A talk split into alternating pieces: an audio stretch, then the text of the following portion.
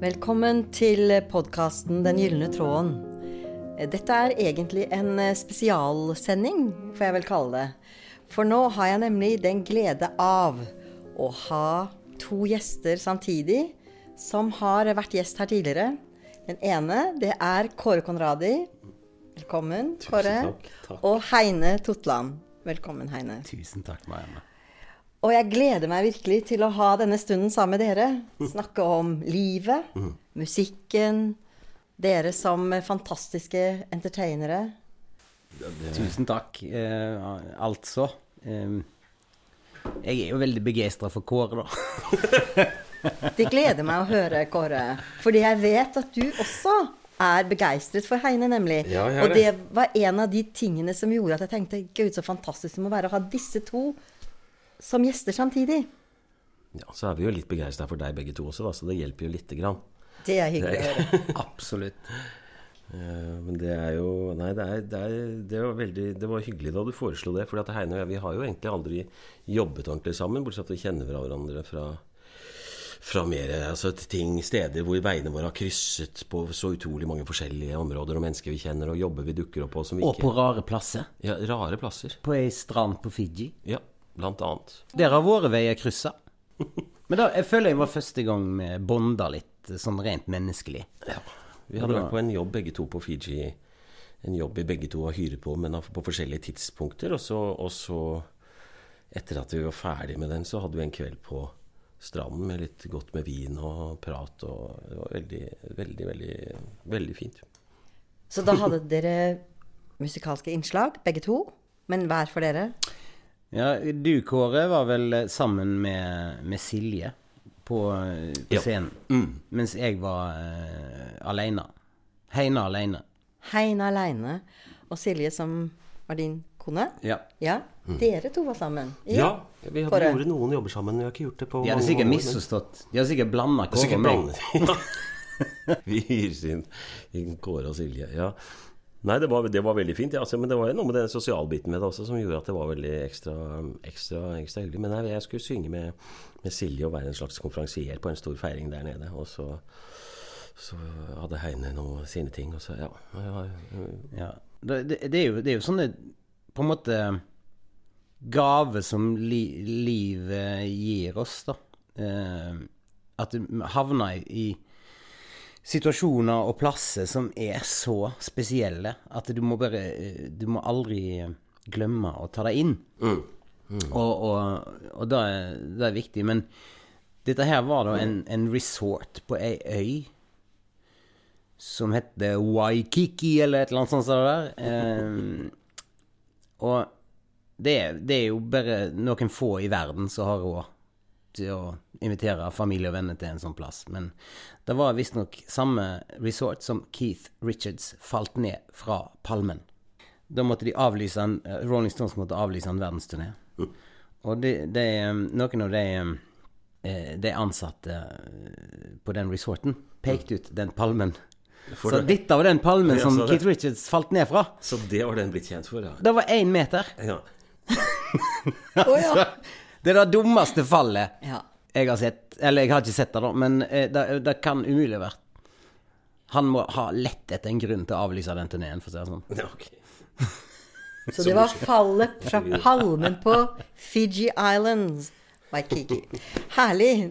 Men det er noe med det du sier, at dette med å ta inn ja, det som er ja, Omgivelsene og det vakre. Og eh, Heine, sist du var her, så var, snakket du en del om Bømlo. Og du hadde akkurat eh, lagt taket. Eller det var lagt tak. Er det ferdig nå? Eh, Vi snakker altså, eh, kjære lyttere, om eh, rorbua som jeg begynte å bygge i eh, begynnelsen av april, og som jeg flytta inn i i begynnelsen av juli.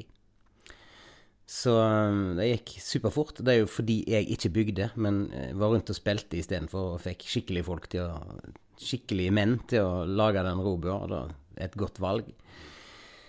Eh, den er ferdig, og, um, og er den fineste plassen på jord for meg.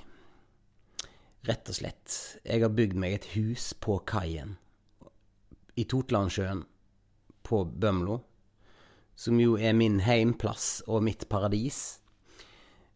Eh, men å få bygge et hus på kaien er så stort for meg at eh, jeg, er- sånn patetisk opptatt av fjorden. Og da er det Istedenfor å ha en grasplen, så har jeg fjorden. Det er min hage.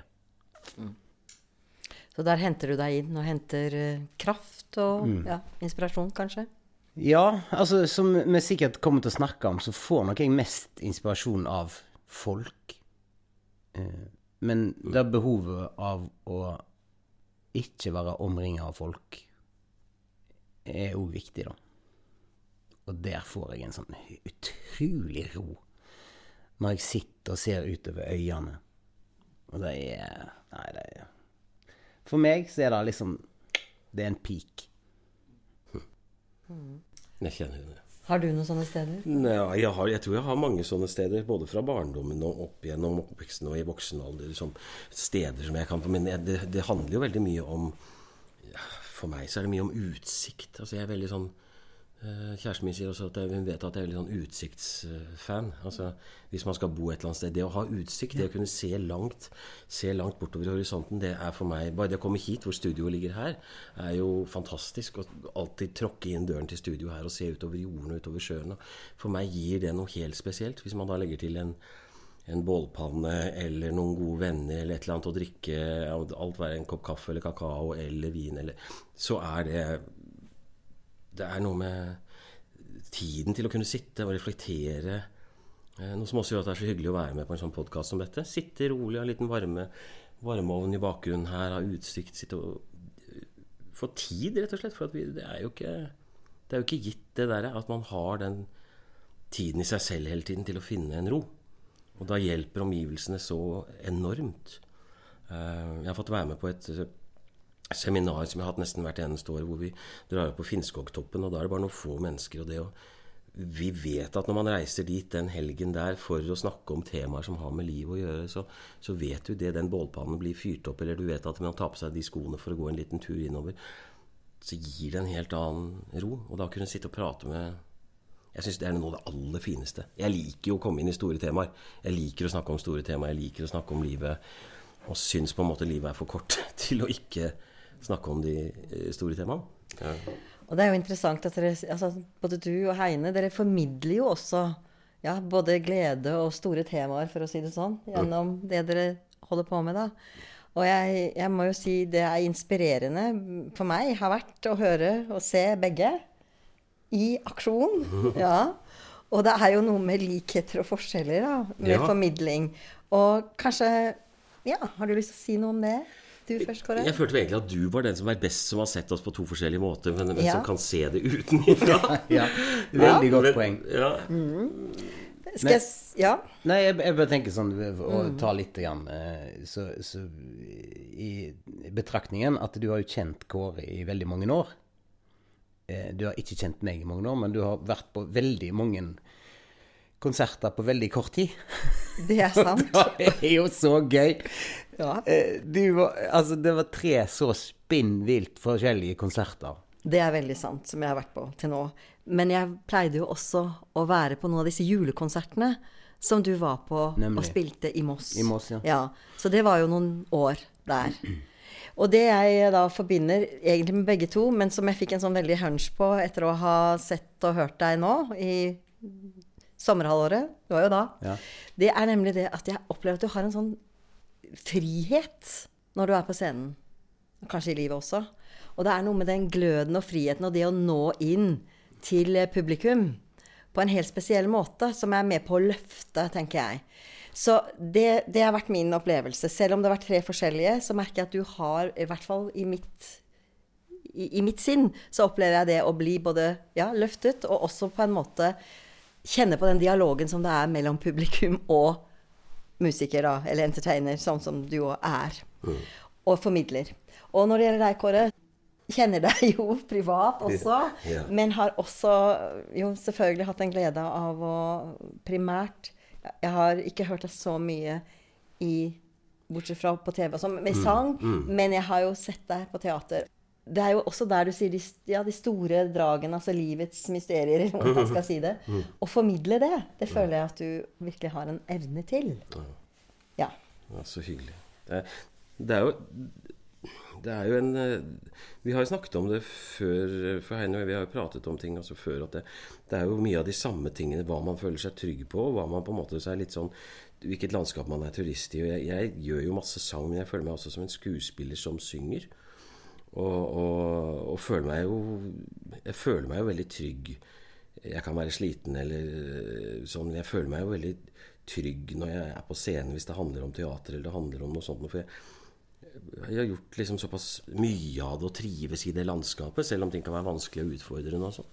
Eh, jeg har jo ofte sagt det der, og det sa jeg vel sist jeg var her også, at det, liksom det der å skru på, skru på litt det der Heine-genet og sånn. Og det, snakket om det, Heine, at det, Nei, for Heine har jo en, en, en utrolig sånn uh, Som jeg har vel i voksen alder på en måte hatt mye glede av å kunne gjøre selv også, men jeg har sett det alltid hos Heine, den der lekenheten i.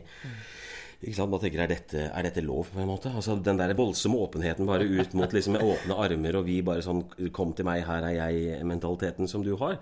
Som, som jeg syns er helt fantastisk å se på. Den der utrolig åpne, varme energien hvor du inkluderer publikum, og den, den måten der. Og det er klart Som skuespiller så kan du ikke ha den når du gjør et Ibsen-stykke. Eller Det er en helt annen greie.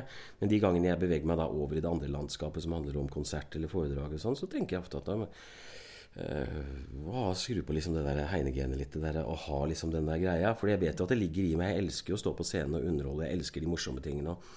Men, men også som Heine sa en gang, altså denne uka har jeg gjort åtte av de jobbene. på en måte. Altså det, det, det, er masse ting hele tiden. Det er en erfaring som ligger der, som er Veldig, syns jeg. er flott. Mm. Så er jo Heidi et veldig varmt og fint menneske. Vi har ja, det, altså, det er du virkelig. Og, og, at du klarer å liksom, ja, ta den, den, åpenheten og den hjertevarmen inn mm. i det musikalske. Det, det er jo jeg, jeg, jeg, opplever jo virkelig at det Altså, kunst er også healing. Nå er jo dette også mitt ja, jeg jobber jo som, med healing.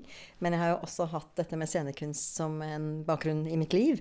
Og det er på en måte dette, dette å være der for de andre, for det er jo det dere blir. Så det Du har jo den bjuda ja, på. De andre og hverandre. Ja. For at det um, Jeg opplever jo en ekstrem sånn eh, connection med mine medmusikanter. Mm. Ikke alltid. Eh, men de som jeg på en måte velger å ha med meg i livet, eh, det er veldig intimt. Og det er veldig eh, sterk connection vi har på scenen. Ikke bare til publikum, men, men det som skjer i, innad eh, på scenen, er, er en veldig sterk ting som er veldig viktig. Og, men, men, det er jo klart Jeg tror det du sier, Kåre eh, Altså, jeg syns jo det er utrolig gøy å, å, å, bli omtalt på den måten av en kunstner som deg. Det er rørende. Men, men jeg er òg stolt over å ha fått lov til å utvikle det der. For jeg har skjønt at det har ligget latent i meg hele tida. Jeg har aldri villet bli popstjerne eller rockestjerne. Jeg har villet bli entertainer. Det har vært mitt uttalte mål siden jeg var ungdom. Og så har jeg fått lov. Det er helt utrolig, egentlig. For at jeg er ikke så talentfull. Jeg bare har fått lov. Ja, det er en ydmyk følelse å få se den der Men det, ja, det er jo kanskje det er en ydmykhet i det der. Altså, for, at, for det, er, det, er, vel sikkert mange som vil si at, at, det er jo du så, så, talentfull er du, holdt på å si. Men du sa noe morsomt til meg i, før og sa det der at du av og til kan gå inn i en situasjon hvor du ikke vet om det var bra eller dårlig. liksom. Men det tror jeg er en sånn Du ikke visste om det der gikk bra eller om det gikk dårlig, for du hadde ikke egentlig de klareste referansene i en eller annen sånn men det var i en annen situasjon, hvor du, liksom, hvor du var innom områder som man liksom ikke hadde vært inne på før. Ja, Vi snakket jo om musikkteater. Ja, musikkteater. Altså sånn. Men jeg tror det er den helt riktige måten å tenke på. Jeg har også masse sånn Og jeg synes alltid når jeg begynner med et nytt stykke, så syns jeg alltid at jeg må begynne forfra igjen. Jeg, synes, jeg tenker alltid, jeg kan sitte og se på skuespillere som gjør et stykke, så tenker jeg Jeg tenker sånne klisjéting Åssen klarer de å huske all den teksten? Det Og tenker klarer jeg. de å gjøre ja, men, ikke sant? men dette er jo ting som folk spør meg om. Hvordan klarer Ja. du å huske all den teksten? Jeg tenker sånn, Det er jo et vanlig spørsmål man får. Men så sitter jeg og ser en forestilling selv. da tenker, klar, Hvordan vet de dette? Hvordan vet de at de Så for meg er det alltid å begynne på nytt. Derfor tror jeg den følelsen av å ha at man er litt sånn øh, hvordan blir dette her? Det tror jeg er så ekstremt viktig hver gang. For det viser jo en slags ydmykhet mot det faget man går inn i. Og, og jeg tror man skal ha det, nettopp den der blandingen av Jeg elsker de gangene hvor det skjer noe på scenen. Og, eller ikke noe at noen blir skada, men at det skjer et eller annet sånn uforutsett som man er nødt til å løse der og da. Eh, For da er det en del av den der hverdagen. Det er improvisasjon, eh, lekenhet. Men så må du vite selvfølgelig hva du egentlig er der for å gjøre. Men det- elementet av litt sånn usikkerhet eller spenner, at man er der akkurat i øyeblikket, det tror jeg er ekstremt viktig. Og, og, og være såpass ydmyk at du vet at vi vet ikke hvordan det går denne gangen. Nå må jeg bare prøve. Ja. Og, det er jo på en måte noe med, med ferskvare å gjøre. ikke sant? Det, Mm. blir, det er ikke en sånn repetisjon man gjentar og gjentar. Mm. Men man fyller jo da det med liv. Og så tenker jeg da ja, ydmykhet, sånn som, altså takknemlighet kanskje også, da. Mm. Og så har- og så tenker jeg da, begge dere har jo også fulgt på en måte, sånn som det ser ut, i hvert fall for meg, da. Fulgt hjertet deres, eller fulgt det som ja, Kall det kallet deres, da, på en måte. Som du sier, at jeg visste det fra jeg var ung. Og, og det, det har jo med en Jeg tenker at dere har liksom hatt en stamina til å bare ja, gå videre, utvikle videre, og være i det som Ja, et Ja. kall, nesten. Kan, ja. Jeg, jeg, jeg, tror, jeg, tror, jeg tror vi skal våge å si at, at vi, vi har en ganske sterk lidenskap for det vi gjør. Det kjenner jeg veldig på. At jeg For ydmykhet er jo en del av det, men eh, det er jo ikke bare ydmyk. Jeg tenker jo at eh, dette, dette er er jeg god på av og til. Eh, nå, nå svinger det. Det der er det, Den oppgaven der, den, den fikser jeg. Sånn tenker jeg òg. Sant? Men, men det, det har jo noe med at, at du ofte havner i situasjoner som er rett at du havner i, fordi de som er rundt deg, dytter deg inn i rette sammenhenger. De vil deg vel. Sant? Men, men lidenskap, ja. Det kjenner jeg på. ja, det Jeg tror, skjønner jeg. Og det tror ikke det hadde vært altså, I hvert fall for mitt vedkommende så tror jeg at det hadde ikke vært mulig å holde på. på en måte. Det er jo så mange elementer av det. Jeg møter jo folk som sier at de hadde aldri turt å gå ut på scenen. Eller det er mange som møter som jeg sier at liksom det verste for meg er å prate offentlig eller snakke offentlig. Eller, ikke sant? Og for meg så er det noe Og jeg, jeg, jeg tror at det at jeg fant ut på et eller annet tidspunkt at jeg brenner for å jeg har jo gleden av å kunne lene meg på det, sånn som Heine også. Man lener seg veldig ofte på andre menneskers musikk eller andre menneskers tekster eller andre forfattere. ikke sant? Og så kan man prøve å skrive litt selv innimellom også. Men, og, du har jo sikkert skrevet eh, masse ting Heine, som du bruker i sammenhenger, eller i hvert fall en god del. Eller, hvor, vet jeg ikke hvor mye egenskrevet som Men ja, du har i hvert fall skrevet ting. Ja, ja. Jeg sitter bare og ler Du sitter og tenker på det? Ja. Nei, for det, jeg, det slår meg plutselig, for at du, du og meg har jo eh, Vi lever jo på mange måter, sett utenfra, ganske like liv. Men jeg tror vi er, lever veldig forskjellige liv. Em, og da spør, slår meg nå enda en felles referanse vi har, er jo at vi to, eh, er tolkere. Mm. Uh, og og, og da, da tok meg ganske mange år å akseptere både innad og utad at jeg er ingen eh, låtskriver. Jeg har ikke den gaven. Andre har den gaven. Og, de, og, og de, jeg kan være sjalu på dem. Og alt det der. Jeg skulle ønske jeg kunne liksom skrive fantastiske låter. Eller, men de låtene jeg har slengt på veggen, de har ikke hengt.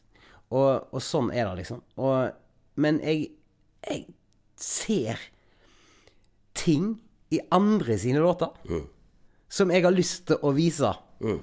Og da, det, det er sånn jeg, jeg, jeg, velger kun sanger som, som Som jeg kan bearbeide og vise på en ny måte.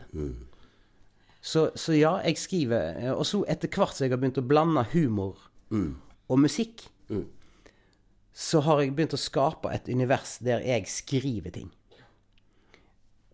Det Ja, og det, det, og, og det der med å gjøre sånne ting, altså bruke sin egen Jeg tror det handler om alder også. Det at plutselig nå begynner jeg å bruke elementer av ting som jeg da var liten. Jeg skrev masse tekster før da jeg var liten, men jeg har ikke turt å bruke det noe sammen. Men plutselig så sitter jeg og jobber da med mennesker som gjør det hele tiden. Nå jobber jeg mye med Ingrid Bjørnov. Ingrid Bjørnov sier så plutselig sier hun 'Den sangen der, den skal du bruke. Den skal vi ha med i kveld'. Og så blir jeg sånn Nei, det skal vi ikke. Det skal vi ikke gjøre når du har dine ting. Så skal vi ikke bruke min, jo. Det skal vi gjøre. Da skal du sette deg ved pianoet, så skal du gjøre det, og så tar jeg trekkspillet. Og så plutselig så sitter du der da foran en full sal og gjør dine egenskrevet ting og sånn, og så plutselig så er det noe som, som, som har noe med alder å gjøre. Plutselig sånn Å ja, ok. Så ikke sant, når er det man begynner å plutselig skrive noe for første gang, eller når er det man?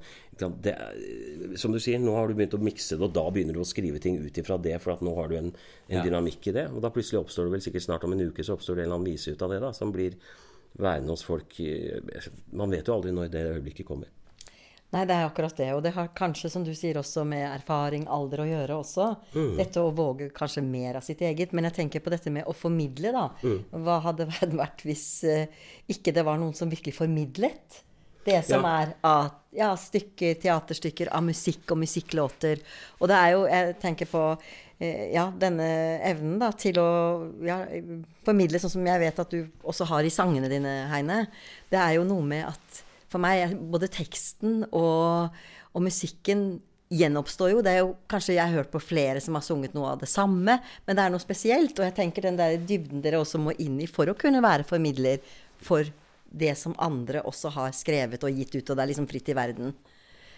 Så, så, så det er jo noe med det å gå inn i hvert og et kanskje univers. Jeg vet ikke hvordan dere tenker. Ja, altså jeg, jeg tror det, jeg, det Jeg ser på meg sjøl ofte som et instrument.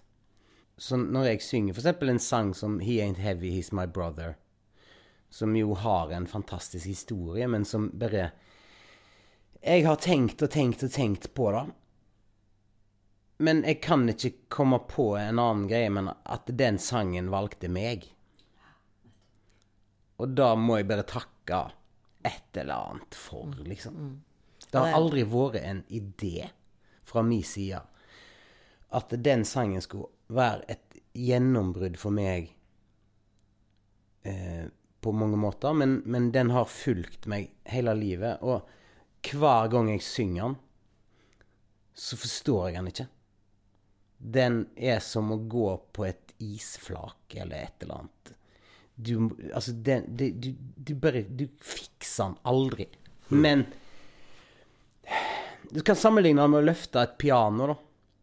Hvis du er sånn Sånn fly, flyttebyråmann som, som løfter piano, så må du Du kan bli god på å løfte et piano, men du må løfte det hver dag allikevel. Og sånn er det å synge den sangen. Og da tror jeg eh, du, Kåre, har når, når du gjør da, for eksempel Shakespeare, da.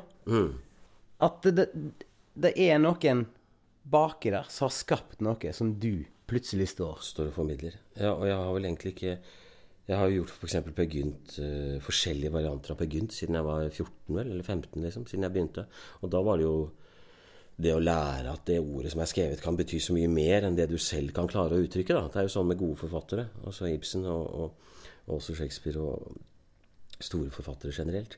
Men det, noen av de største opplevelsene med å gjøre Per Gynt alene, som jeg har en time jeg kan gjøre jeg kan, Hvis jeg skynder meg, så kan jeg fortelle Per Gynt på to minutter, men, men, men jeg kan også gjøre det på halvannen time eller en time og et kvarter og gjøre monologer. Men noen av de beste øyeblikkene har vært nå i det siste, pga. alder, pga. Uh, ja, kanskje det der Ikke i blaffen, men på en eller annen måte, som du sier, henne, være til stede der og da. Når man løfter Du vet det er en tekst som er større enn deg selv. Men også klare å være til stede i det, i det livet jeg er nå. Og da er jeg ikke så opptatt av hvor jeg går eller hvor jeg står. Eller det er akkurat som om den blir alltid rik. Som du sier, dette isflaket er alltid helt ny. Plutselig blir det en ny måte å gjøre det på. Denne monologen som jeg har gjort tusen ganger før, plutselig så er den helt skjør og helt sånn Hvordan blir dette nå? Fordi at jeg stiller meg helt åpen hver gang jeg går inn i det. Helt nytt. Og nå bruker jeg det publikum som er der, og formidler denne teksten der jeg er nå i livet. Og bruker det til at det forhåpentligvis kommer over til de som sitter og, og ser på eller lytter. Og da, da, oppstår det på en helt annen måte en helt annen kontakt. Da, og det er jo det. Og jeg tenker at den kontakten som også da opprettes mellom ja, de som lytter eller publikum, og som gir jo noe, som igjen åpner et indre rom. Og den Ain't Heavy den gjorde dypt inntrykk på meg. Den hørte jeg jo på først etter at du hadde vært her på podkasten sist. Og for meg så ble det en sånn Jeg har vel gjennom livet hatt sånn ja, hva skal jeg kalle det, temasanger eller noe jeg må høre på om igjen og om igjen fordi det gjør noe med meg. Og for meg så ble det en sånn åpenbaring i forhold til mine to sønner.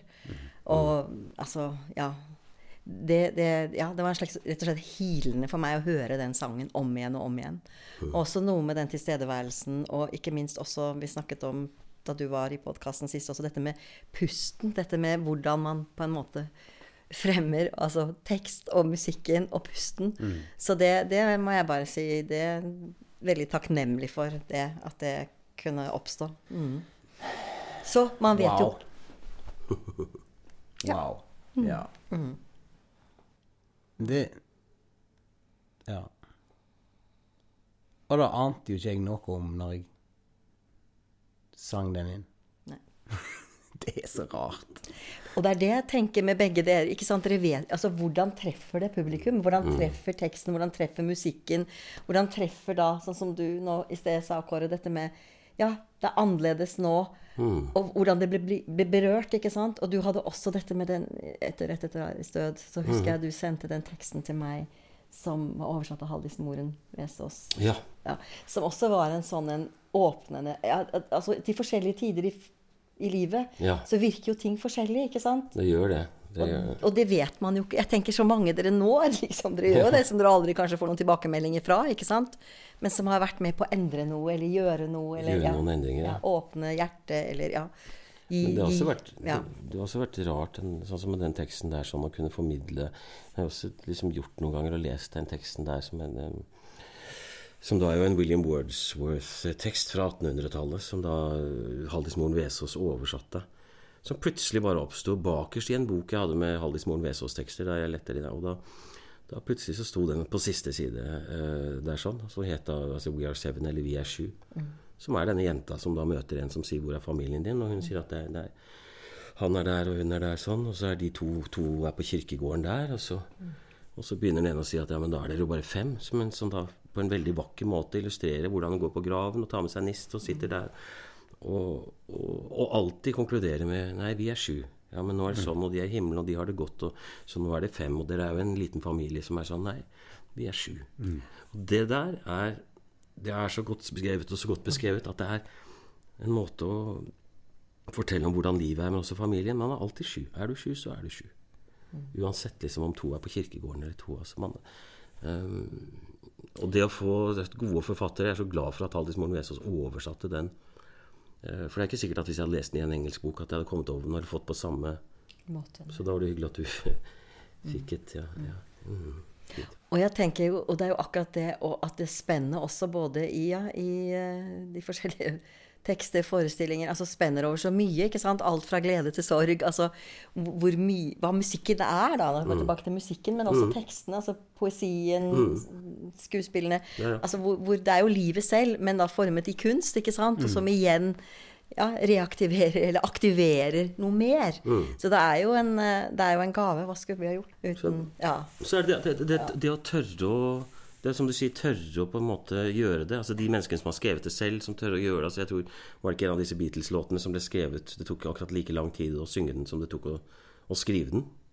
Altså De bare spilte den rett inn. Det var en av disse Beatles-låtene mest kjente som Var det 'Yesterday', eller hva det var, som var i hvert fall en låt som nå sitter det sikkert noen Beatles-kjennere som sier at det roper ut og sier at det var den. Men, Ja. men, men eh, hvor det tok akkurat den tiden. Det tar veldig kort tid plutselig å skape noe som blir værende for resten av Men det må være det mennesket som da tør å skrive det, eller tør å være til stede. da Apropos det der med åpenhet eller tilstedeværelse. Og det der, når jeg, jeg har sett tegne altså, i flere Jeg har sett deg i, i flere sammenhenger også. Det derre eh, altså det derre motet Motet, tilstedeværelsen, lysten til å gjøre det som gjør at det formidler med publikum. Det er så ekstremt viktig.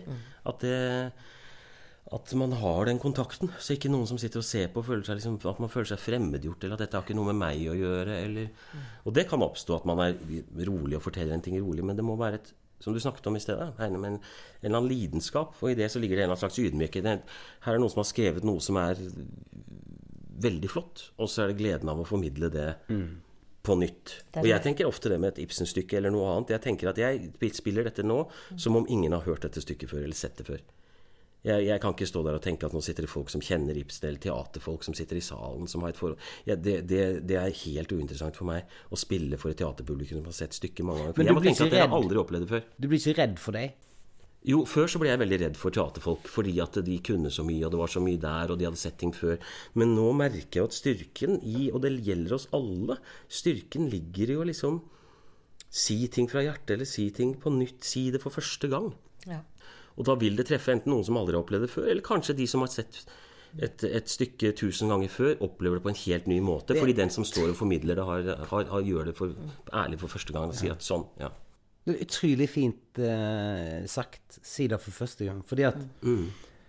eh, Ja. Jeg opplevde James Taylor Ja. live. Fantastisk. Ja. Eh, og han er jo en ordentlig gudbenåda låtskriver. Han har, han har skrevet fantastiske sanger. Men han har kun hatt én nummer én-hit. Og den skrev Carol King. Når James Taylor gir den låten, 35 år etterpå, så er det som om det er første gang han gjør den. Og det er så sterkt å se. Og det var for meg et, et, en milepæl i, i ydmykhet, da. Sant? Du har Robbie Williams, som jeg liker, som sier Nei, han vil ikke synge 'Angels', som er den fineste låten hans. God didn't write that song. Sant? Ja. Ok, men skru ned egoet ditt og lite grann, mann. Sant? Det er en fin sang. Veldig. Så, men, men eh, der er- sier noe for første gang. Og, og det tenk... Du må si hvilken sang det var, James Taylor. Nå kommer mange til å lure på hvilken sang det You var. got a friend. Yes, I! Det var en sånn temasang for meg. Men, men den, den er jo Den er jo den, Det er jo Det er jo en, en klisjé. Sangen er en klisjé. Um, uh, og derfor er det så sterkt å se han gjøre den. Så lidenskapelig. Og så uh, eh, eh, intenst. Sant? Eh, Og, og, og jeg bare sier det der med klisjé. For da er, i vår verden så er det et negativt lada ord. Og så hørte jeg intervju med han der, en av verdens største countrystjerner nå. Eh, jeg husker ikke hva han heter. Men så sier han Ja, ja. Alle, I all kunst, alle vil bare unngå klisjeer. But we, we're trying to make them. Ja, men det er noe interessant, da. En klisjé, ja. Men som når, da. Ikke sant? Folk. Ja, Ja. men jeg, jeg elsker klisjeer. Ja. Jeg elsker klisjeer. Du snakket, Kåre, om utsikt. Ja. ja. Jeg òg er patetisk opptatt av utsikt. ja. Den deler jeg med dere. Som, ja. Men, men for meg det er en ekte, ekte, ekte følelse. Jo, det er det. Sant? Når jeg sitter her på, på Jeløya og ser utover Oslofjorden, og Oslofjorden som kan bli litt trang for meg, Skjønner du? sant? Men her er han åpen, og da kjenner jeg at jeg er en brikke i noe, og det gir meg en deilig følelse. Og da er det utsikt som gjør det. Det er veldig gøy at dere sier det med utsikt, da, for jeg tenker at det er eh, Det deler jeg virkelig. Det er utsikt og utsyn. Og dette med klisjé, eller når du nå nevnte James Taylor, og dette med mm, denne tilstedeværelsen, da. Og vi snakker jo ofte det om å være til stede, være her og nå. Og det har jo noe med det å gjøre. Med at man virkelig er her når man da formidler. Det og det, da er det jo levende i stunden. Da er det på en måte nytt, sånn som du sa, Kåre. Som om jeg aldri har gjort det før, eller som det er helt nytt. Si det for første gang. Ja, vi har vel hatt Ja. Det ofte sånn når vi gjør f.eks. stykket da vi gjorde Lille Eyolf, Pia Tjelta og jeg og flere flotte skuespillere og sånt, som da Sofia Jupiter regisserte på Nationaltheatret. Så det, å gjøre Ibsens Lille Eyolf eh, i en god, omskrevet, pent omskrevet versjon, som vi, eh, som vi hadde eh, det det, å stå da og skulle gå inn og gjøre det hver kveld, så sto vi også Det var det vi sa til hverandre også, før vi gikk inn alltid. Så var det at nå er det helt nytt. Nå er det helt nytt. Og det er, det er det må, være, det må være første gang, på en måte. Det må føles som, som første gang. For det er ting man, det er ting man går glipp av. da. Og så tror jeg det er viktig å tenke altså Jeg har møtt folk som har lyst til å gå på og holde tale, og som har spurt meg om råd, eller si at jeg skal si noe. det er veldig ofte at hvis du begynner å spørre hva du gruer deg til, og sånn, så er det jo ofte fordi man ikke har helt bestemt seg for Altså Det handler mer om nervene for å gå opp og si noe, men, men viktigheten av det du skal si, må på en måte være fokuset. Det du har tenkt til å si. Legg fokus på det, så vil du fjerne seg fra deg selv. Hvis du syns at det er viktig, dette er viktig.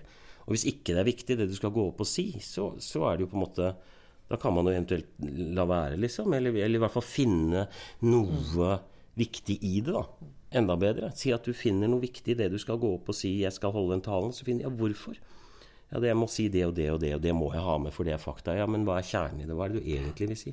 Om det er en tale i et bryllup, eller hva som helst. Hva er det du egentlig gleder deg til å si, da? Det er kanskje enda bedre å si. Hva er det du gleder deg til å si? Hva er det du gleder deg til å fortelle? Jo, jeg gleder meg til å si at jeg er fryktelig glad i vedkommende. Eller jeg gleder meg til å si at dere kommer til å få et kjempefint år her i bedriften. Eller hva det nå er. Det er kjernen. Og hvis du har med deg det opp, at du gleder deg mer enn du gruer deg, du gleder deg til å si akkurat det, så er det liksom Det gjør mye ting mye lettere. Og det er fordi det er nytt. Jeg, jeg, jeg tenkte mye på det når jeg, var, eh, jeg skulle inn på denne her eh, berømte Farmen. Mm. Og da, da, da bør jeg meg for det at hvis ikke jeg har noe på hjertet, så skal jeg bare holde kjeft. Ja. Ja. Rett og slett. Og da, da syns jeg er da, da tenker jeg ofte på når jeg f.eks. leder type en, en eller annen bankettmiddag, da. Som jo er noe både du og meg gjør en- del av. Mm. at vi er på en måte konferansierer, da. mm. Som underholder. Men når du ser at det, nå går taler nummer ti opp, sant? Så bare får jeg lyst til å si, hvis ikke du har noe på hjertet, så ikke tal. Såpass vi, må vi kunne kreve av folk. Tror det vil hjelpe også mange mennesker å bare si at det, det du skal si, kan du kanskje kutte bort en to tredjedeler av, på en måte. For at det er mye ting du føler at man har ikke helt bestemt seg. Jeg tror det å bestemme seg for nøyaktig hva er det jeg egentlig har lyst til å si, det tror jeg vil hjelpe i veldig mange sammenhenger. Det vil gjøre det mye lettere for de som går opp også. Eh, gjøre det. Men det er helt riktig. Det, Og hva gleder du deg til å si ja. i en sånn sammenheng? Det syns Ja. jeg var et veldig godt tips, rett og slett. Jeg husker jo det veldig godt på dagen før bryllupet. Apropos liksom når vi nevnte Ari i sted. Altså dagen før bryllupet så var det jo en sånn TV-sending hvor jeg skulle stå og gjøre masse tekster av forfattere som hadde satt sammen med en som het Morten Jostad, som hjalp meg med, med å finne liksom fine ting og tekster og sånn. Og da følte jeg at det ble, det ble jo mye, jeg skulle være mye inne og alt mulig sånn. Men så var det han som kom bak og sa at nå er Odd Børresen syk. Han skulle gjøre en tekst. Eh, og jeg var kjempe liksom, etter at vi hadde gjort generalprøven. Og så hun da skulle til å gå opp og gjøre det foran TV og lede hele kvelden. Og så kom hun igjen bak og sa at nå er Odd Børresen syk, uh, så han kommer ikke. Så nå er det enda viktigere, det du skal gjøre. Og det gjorde ikke at jeg ble nervøs, for plutselig så handlet det om noe annet. Nå er det enda viktigere at du kommer med noe tekst. Nå er det enda viktigere, for nå er du den eneste som har tekst. Som formidler noe litterært eller sier noen ting. Og plutselig så ble det viktig. Plutselig så var, ble hele den nerven mine forsvant. at plutselig så var det Det handlet ikke om meg lenger. Det handlet om at nå var det viktig de tingene du skulle si. For nå er han og andre som skulle holde en lang tekst, han kommer ikke. Eh, Det er veldig gøy. ja, Ja, Andre det- vil kanskje det- fått hetta og si at nå er det kjempeviktig det du skal gjøre, Ja. så du må ikke bli nervøs. Men det var liksom motsatte, for plutselig så handlet det om det, Å ja, jeg har viktige ting jeg skal si. Det er viktige tekster. På, på lørdag nå eh, Altså, det, det er fire dager siden. eh, Så spilte jeg min siste forestilling i Bergen før jul. I salen sitter Jan Eggum. Eh, og jeg, jeg er jo en fersk gitarist, og er ingen god Jeg er en høgst middels gitarist. Men eh, da, når Eggum satt i salen der, Ja. så ble jeg enda bedre. jeg spilte dritbra, liksom. Ikke sant? Og, og, og, og, da, det har jo med alder å gjøre. Det har vi For at eh, dette her er liksom en av mine liksom eh, eh, Altså ting jeg brenner for å snakke om, da. Eh, Det er at eh, vi lever i et, eh, en kultur der det faktum at vi blir eldre er en negativ ting. At At tida går er en negativ ting. Men det kan det jo ikke være. Det er jo verdens største svindel. Altså å få lov til å bli voksen, og få lov til å ha erfaringer, er jo en fantastisk ting. Og jeg, jeg hadde ikke bytta de siste 20 åra for noen ting. Aldri i livet. Og, og, og, og de er- erfaringene vi, vi får gjort, liksom. Mm. Så åh, vi må snu det der. Det er jeg så enig i. Så utrolig fint at du bringer inn det. Akkurat det tror jeg virkelig man kan gjøre noe med. For det er jo sånn som du sier, at mange gruer seg til å bli liksom godt voksne, for å si det rett ut. Ja. Så det med, med ja, livserfaring, livsvisdom, og ta, ja, se hva det kan bety i samfunnet Kjempebra at du tar opp det. Ja, takk, takk. jeg. Så alle de veiene som fører fram til der man er nå også. Altså Så lenge man er ja, den derre der eh, klare Klare følelsen at jeg var jo på, jeg var jo på Av alle rare ting så var jeg Jeg har snakket om det i noen sammenheng. at Jeg var på 95 95-årsdagen til Per Aabel. Og da, og da, da holdt reiste han seg opp og holdt en veldig fin tale. Og, så sa han at han sa 'jeg har det veldig godt', sa han. 'Jeg har det veldig fint, jeg har ingenting å klage på'. Sånn, sånn. Jeg merker jo på kroppen at jeg ikke er 75 lenger. Ja, i perspektiv. Og så, og så tenkte jeg at det er så fint. Det vil si at hvis du sitter, er, ikke er blitt 75, så har du enda ikke kommet til ungdommen. For han tenkte jeg skulle ønske, så det jeg tenker jeg skulle ønske jeg var 20 år yngre. For han var det da 75. Så for han så var det liksom det var ungdommen. Og det var liksom, jeg merker jo det. Kjenner at jeg ikke er der. Er. Så hvis man er fra 75, så er det bare ungdommen. Det er da det begynner. Altså. Ja. Ja. Fantastisk. ja, det er veldig fint. Det er det Det er, det er Men den erfaringen som man har selvfølgelig gjennom eh, Ja, det er klart at man kan se litt Det er mange ting man helst skulle vært foruten, liksom, ting som er liksom, men, men det er også veldig Alle elementer som fører frem til at man ja, altså, Se på vårt fag også, da, og du også, Marianne, og alt det, du jobber med. Altså det, alle slags erfaringer som gjør at man kan bidra til ja, I mitt, altså, mitt tilfelle kanskje jeg blir litt bedre på eller fortelle det diktet litt bedre. Da, fordi at det er en erfaring som har kommet til livet på godt eller vondt, som gjør at du, du føler at du har mer tilhørighet til den teksten. Og da vil det resonnere hos noen. Fineste øyeblikkene i et teaterstykke er jo hvis noe du hører et lite gisp, eller du hører noe i salen som noen som du sier noe som ble skrevet på 1800-tallet, og så hører du sånn Altså den følelsen der, at noen reagerer på en ord som er ja, Det er stort. Ja, det er stort. Det er faktisk. Mm. Jeg lurer litt på også dette med ja, Som entertainere, skuespillere, sanger, musikere, så må dere jo ofte kanskje gå på en scene og være der for andre. Og når det er ting som har skjedd i livet. For eksempel, jeg vet at din pappa døde jo for ikke så lenge siden. Og det var ikke så lenge etter at du Ja, du måtte på scenen. Du måtte stå der. Ja. Ja, eh, pappa døde i eh, Det er bare to måneder siden. Og det var ikke mange dagene etterpå jeg var på scenen. Det var bare tre dager etterpå. Um, det er mange grunner til at jeg velger å gjøre det. Um, jeg syns det var veldig helende for meg. Jeg føler meg veldig omfavna av uh, disse vakre menneskene som står på scenen og lager musikk eh, med meg, da. Så jeg følte det var veldig godt. Ehm. Nei, altså, det, det, er, det er en uh, Jeg prøver, når jeg går på scenen, så prøver jeg å være uh, hele meg til stede. Og, og det er jo klart at de opptredenene der i den veka der var litt annerledes enn de pleier å være, vil jeg tro. Det er en annen utgave av meg, da. Men det som skjer, er jo at den utgaven er jo den som jeg er.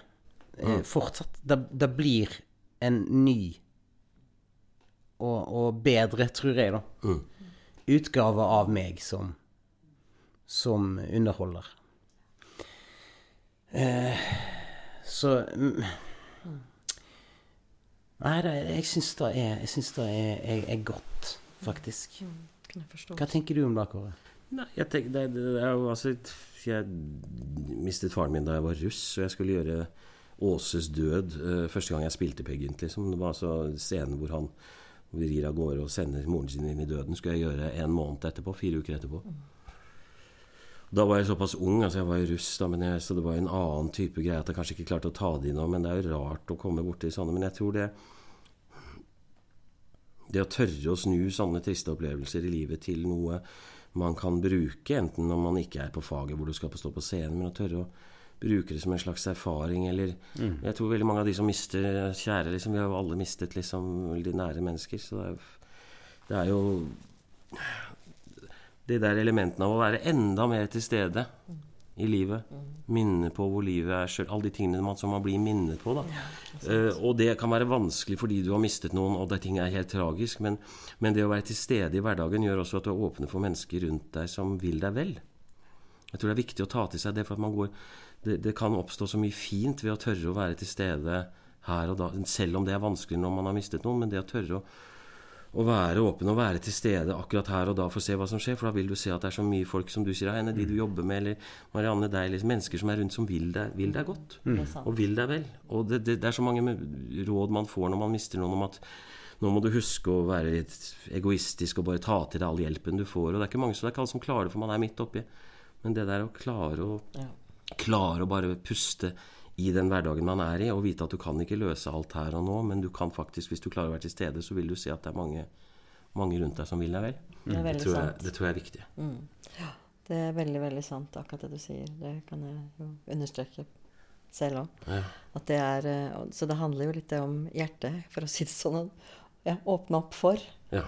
Og husker du nevnte sist det der med den gode klemmen. Og noen ganger så er jo ja, en samtale, eller det å åpne opp og gi og ta, da, denne flowen mellom, som jo Mm. også kan erfares i sånne situasjoner hvor man da ja, er, har det Vanskelig. Ja.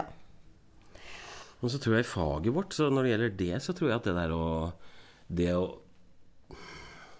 Altså, ikke, ikke, altså det å bruke erfaringer da, i livet. Bruke det på scenen i den forstand at du Jeg husker en gang jeg skvatt av en sånn fortelling som Toralf Maurstad. Jeg fikk jo liksom gleden av å bli liksom litt venn med han i de senere årene før han forsvant. Og fikk lov til å være den yngste i guttegjengen da han inviterte på sånn gutte, guttebursdag.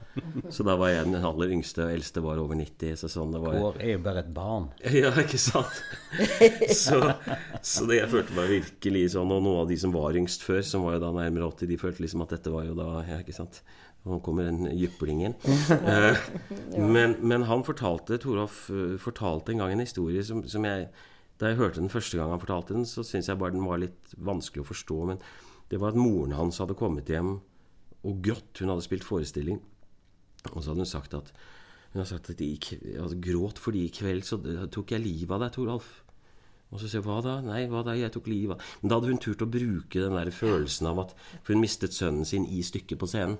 Og så hadde hun turt å liksom Turt å liksom bruke hodet på liksom en slags ja.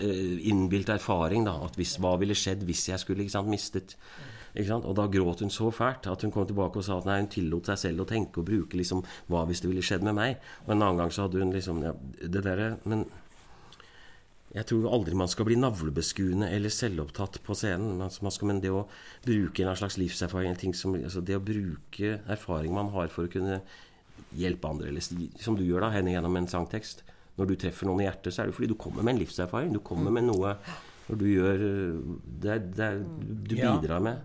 Og, og sjelen din ligger jo i musikken. Du kan riste ut av deg en hvilken som helst låt. ikke sant? Du griper jo gitaren hvis noen Ja, det, jeg elsker jo det, men, Ja, men jeg ønsker jo ikke å være middelmådig.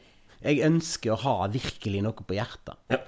Sant? Jeg ønsker virkelig det, altså. Ja, ja. Så, så Det er mange ganger jeg, jeg synger en sang og tenker Nei. Slutt å synge denne sangen. Syng noe annet. Syng noe som, som, som, som har et sterkere budskap. ja, ja. Kunne du tenke deg å synge en sang her Jeg og er nå? ikke vanskelig å be, nei. Nei, så det hadde vært veldig fint som en, eh, en avrunding etter hvert nå på et veldig hyggelig møte med dere to i podkasten her. Veldig hyggelig å være her, da. Tiden Jeg kunne jo sittet mange dager og snakket om dette her med, med dere. Ja. Vi kan ta det igjen. ja. Ja, men det er så utrolig. Vi bare rører overflaten av Ja. masse. Hvis, hvis vi skal gi- gjøre en sang, eh, så finne noe som er en, en felles grunn, da, med Kåre og meg, så, er, så tror jeg vår fascinasjon for eh, en av verdens vakreste artister, Sammy Davis jr., eh, og den sangen han, som han virkelig gjorde han berømt, da, eh, Mr. Bojangles. Så dette, dette har jeg, jeg har aldri spilt denne sangen, eh, verken for folk eller på tape før. For du har fått den Du fortalte rett før vi kom inn her at du har fått den oversatt. Ja. Av Ragnar Hovland, Ja. som jo er nynorskens stormeister. Og så sier Heine da, og du også, Marianne, som sa at kan dere ikke bare gjøre den? Og det, nå skal det sies nå, nå, nå Heine har aldri spilt låta før. Han har aldri fremført den på norsk før. Jeg har aldri Altså, jeg tror jeg kanskje har sunget denne for 20 år siden. Og Heine og jeg har aldri sunget noen ting sammen. Nei, men det er ingen grunner for å gjøre dette her, annet enn at vi, det er At derfor vi skal gjøre det. Fordi vi er til stede nå. Heine. Et vers hver, da? Er det sånn vi gjør det? Ja, du begynner. Ja, okay. Og, da, og da, da føler jeg at, at vi berører liksom grunnen til av, Altså vår begges DNA. Du synger på engelsk, jeg synger på bømlamål. Det skal jeg ha litt sakte, ja. Det, det, det var det eneste jeg fikk sagt før vi Ja.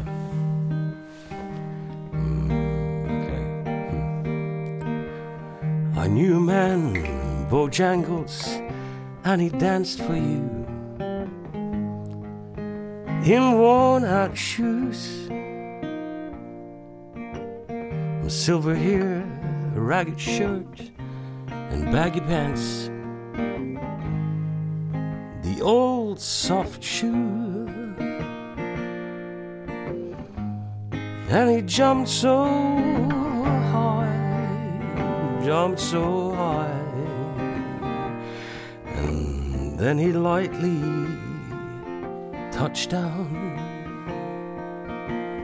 Så er det min tur. Det var din tur på Bømlo. Jeg traff en kar, Bojangles, og han dansa støtt. Så går tempoet opp. Ok. I slitne sko. Med sølvgrått hår og skjorteflaket utenpå. Han ligner litt på Totland, jo.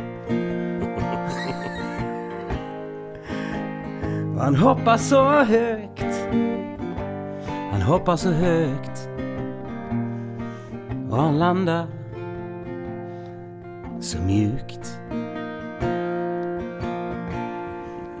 Så må vi nesten, uh, må nesten bare eh, slutte der, da. Må vi slutte. Ja, vi må jo nesten bare det. Og så, og så må vi eh, si at, Vi tar at uh, uh, Vi tar fortsettelsen.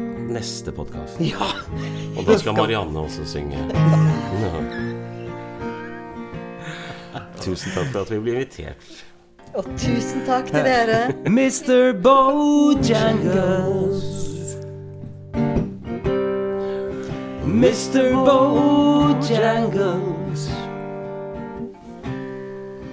Mr. Bojangles. Come back and dance, dance, dance.